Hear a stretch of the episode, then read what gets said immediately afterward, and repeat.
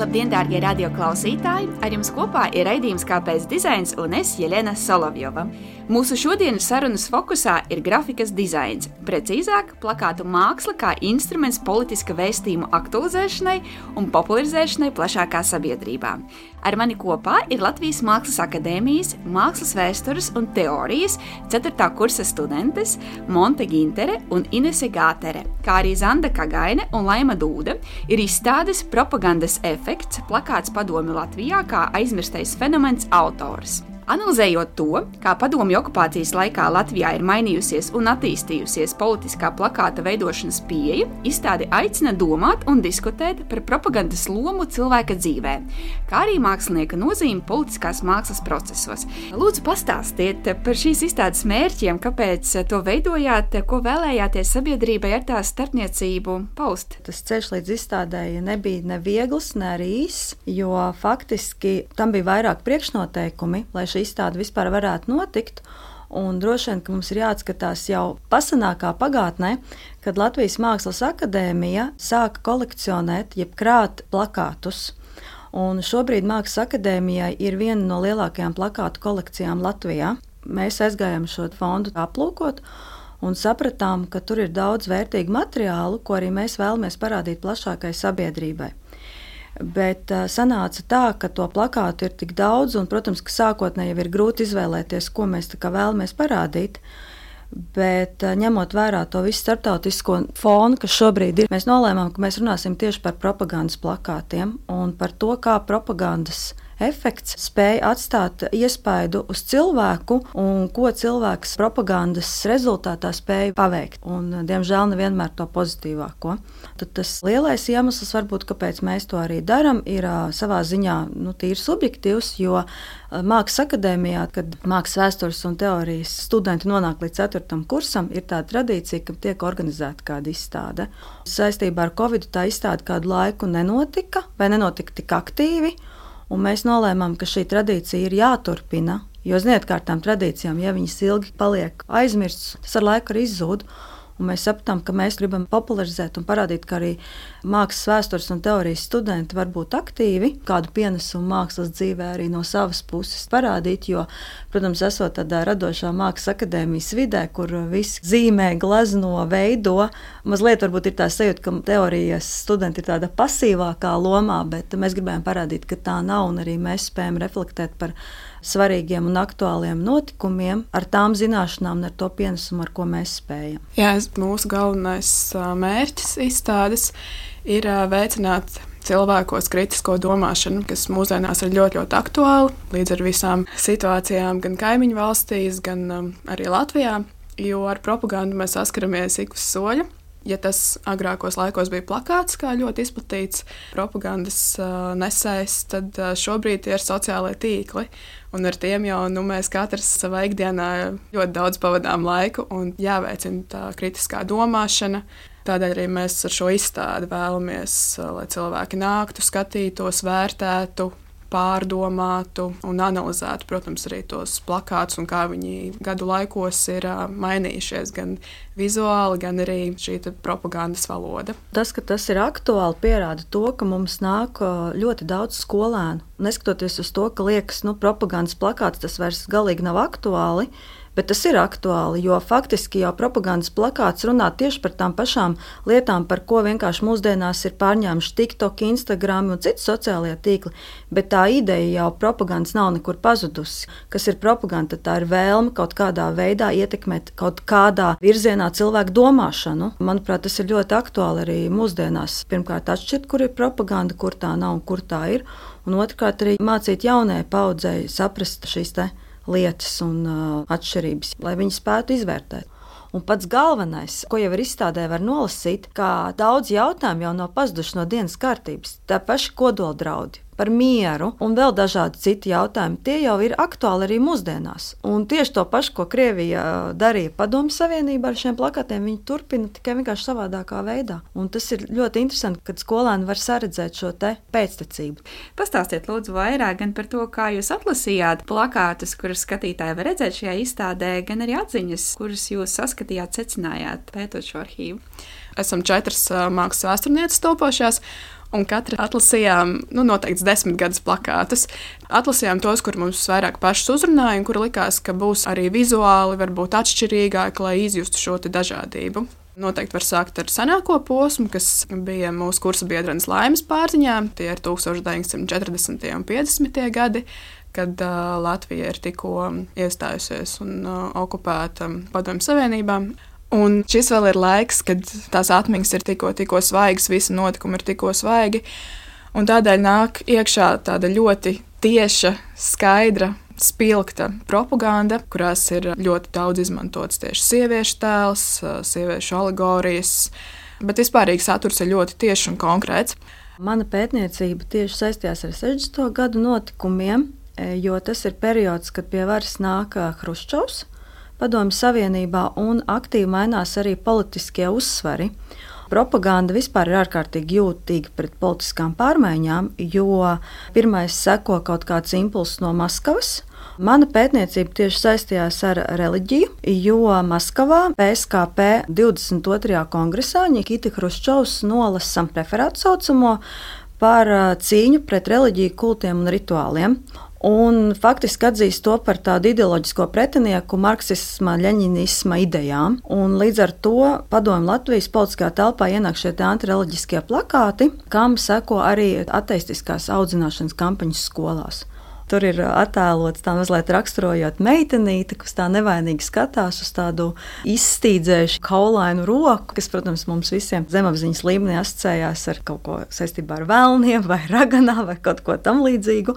Tāds uzraksts arī daļrunīgs sargāsim bērnus no pāvesta ķetnām. Vēl tāds roža kronis tur karājās par to meitenītes pieri. Tas plakāts, kas ir apskatāms izstādē, to ir zīmējis krievu mākslinieks. Viņš no Krievijas pie mums atnācis šis plakāts. Plakāti tiek visur izlīmēti arī skolās.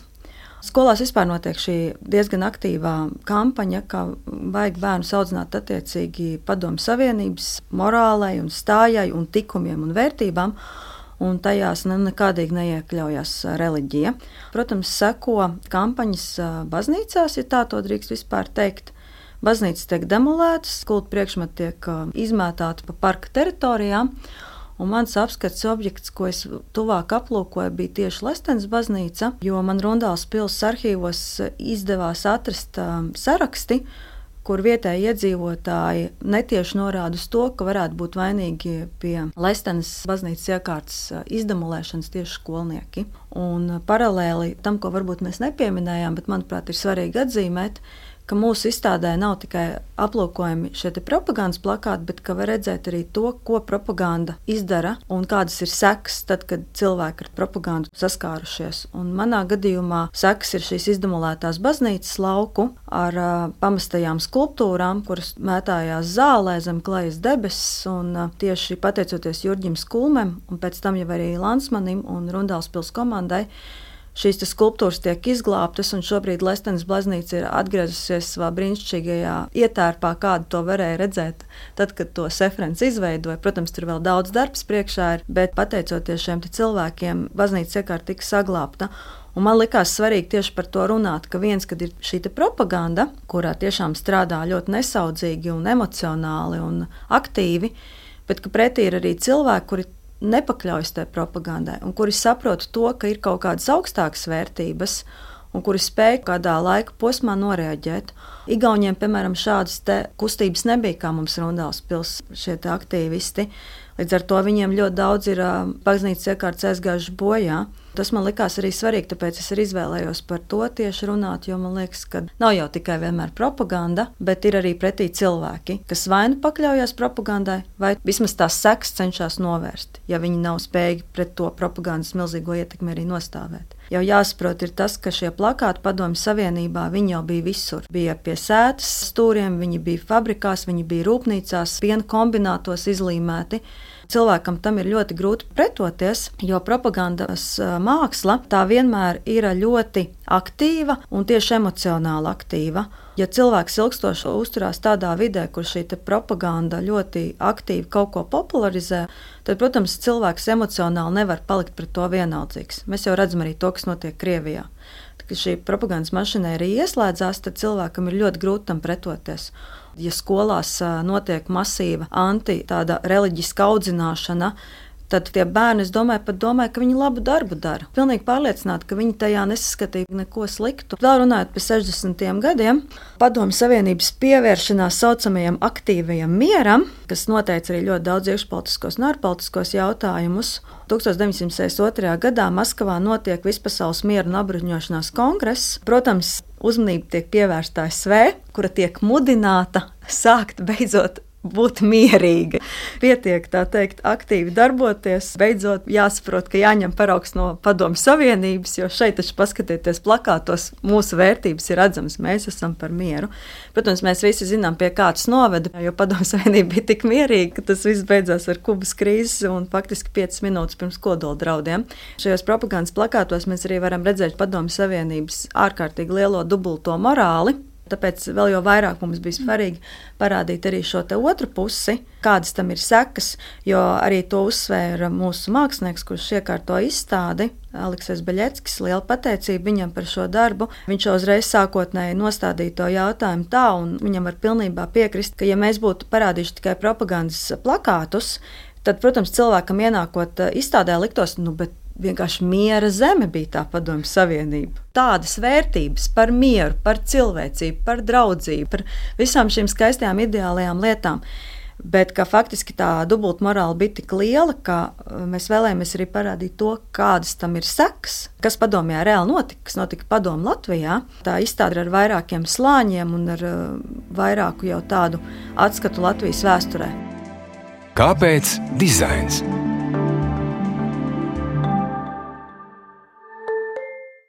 Pakomentējot 70.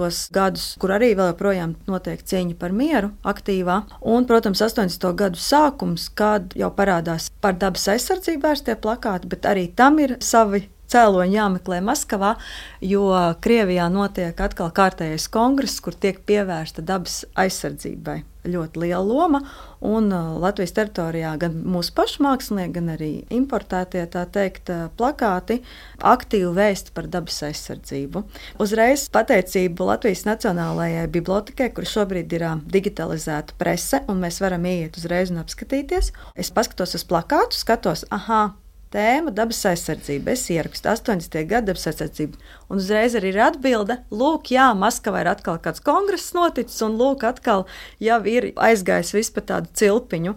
Tā kā šajā ziņā, jā, tā pētniecība arī plakāta un politiskā vēsture ļoti interesanti. Viņi ļoti sasaucās un arī ārkārtīgi interesanti mums kā pētniecēm ir tajā visā iesaistīties lai sameklētu vispār kaut kādus materiālus. It īpaši no 40. un 50. gadi ir tikai rakstiskas dažas liecības, ko laimē izdevās arī atrast par to, kā piemēram Barakļā un baznīcā 18. novembrī tika uzvilkts Latvijas karoks.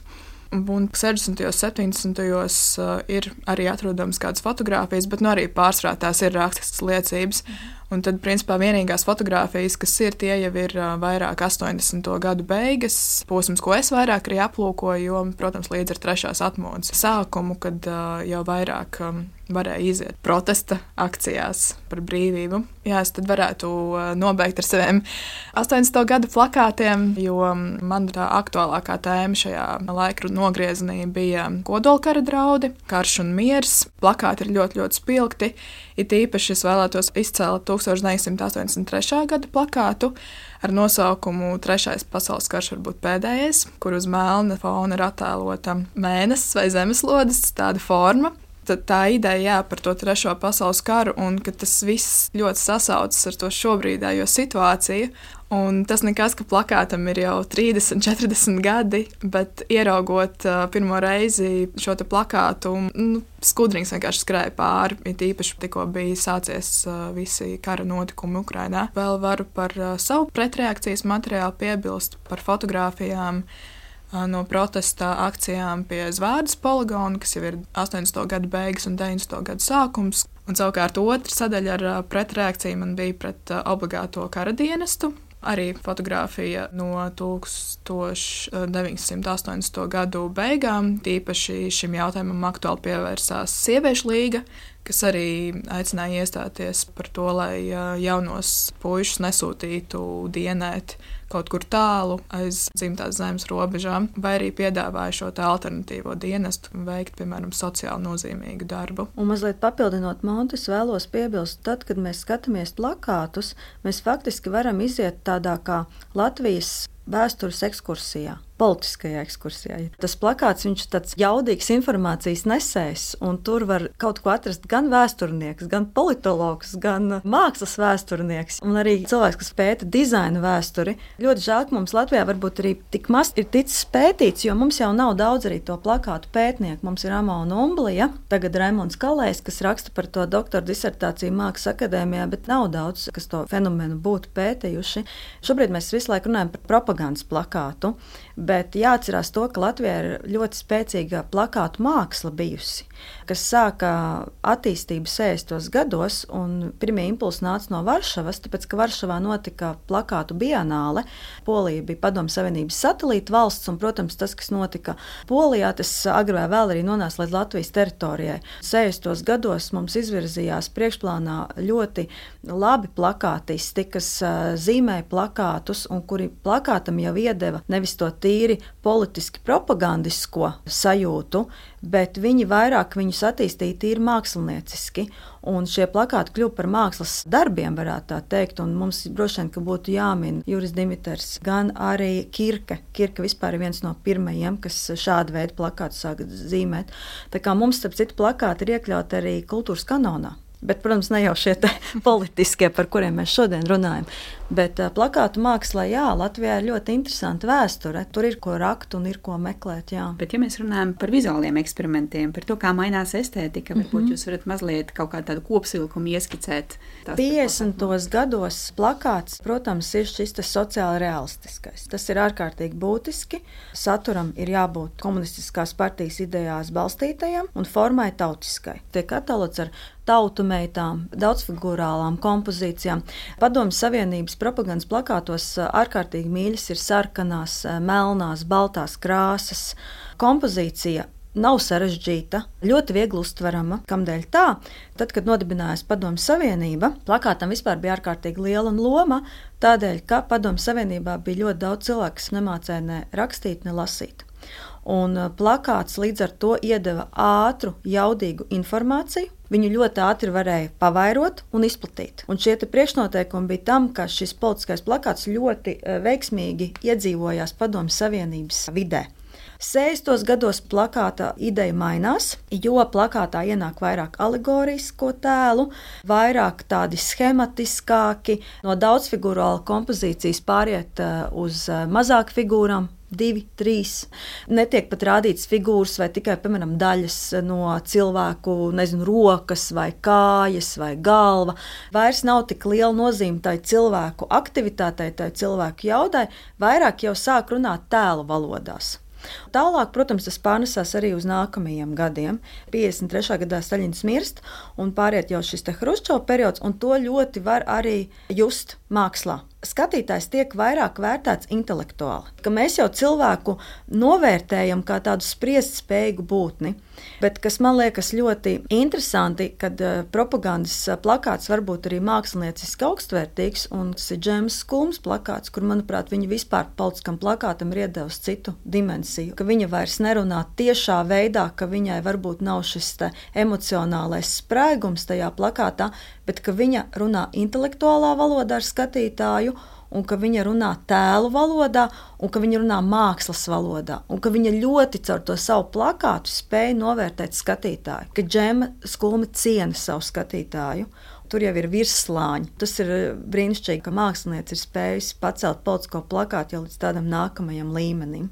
Un vispār mēs runājam par politiskā plakāta vēsturi. Laime bija izpētījis, ka jau senajā Grieķijā tas jau viss notika un Romā. Un patiesībā tam ir ļoti gara vēsture un attīstība. Vienkārši tās formas visu laiku mainās. Ja, nu, nezinu, Romā tur varbūt eh, kādā freskā uz sienas kaut ko interesantu uzzīmēja un attēloja.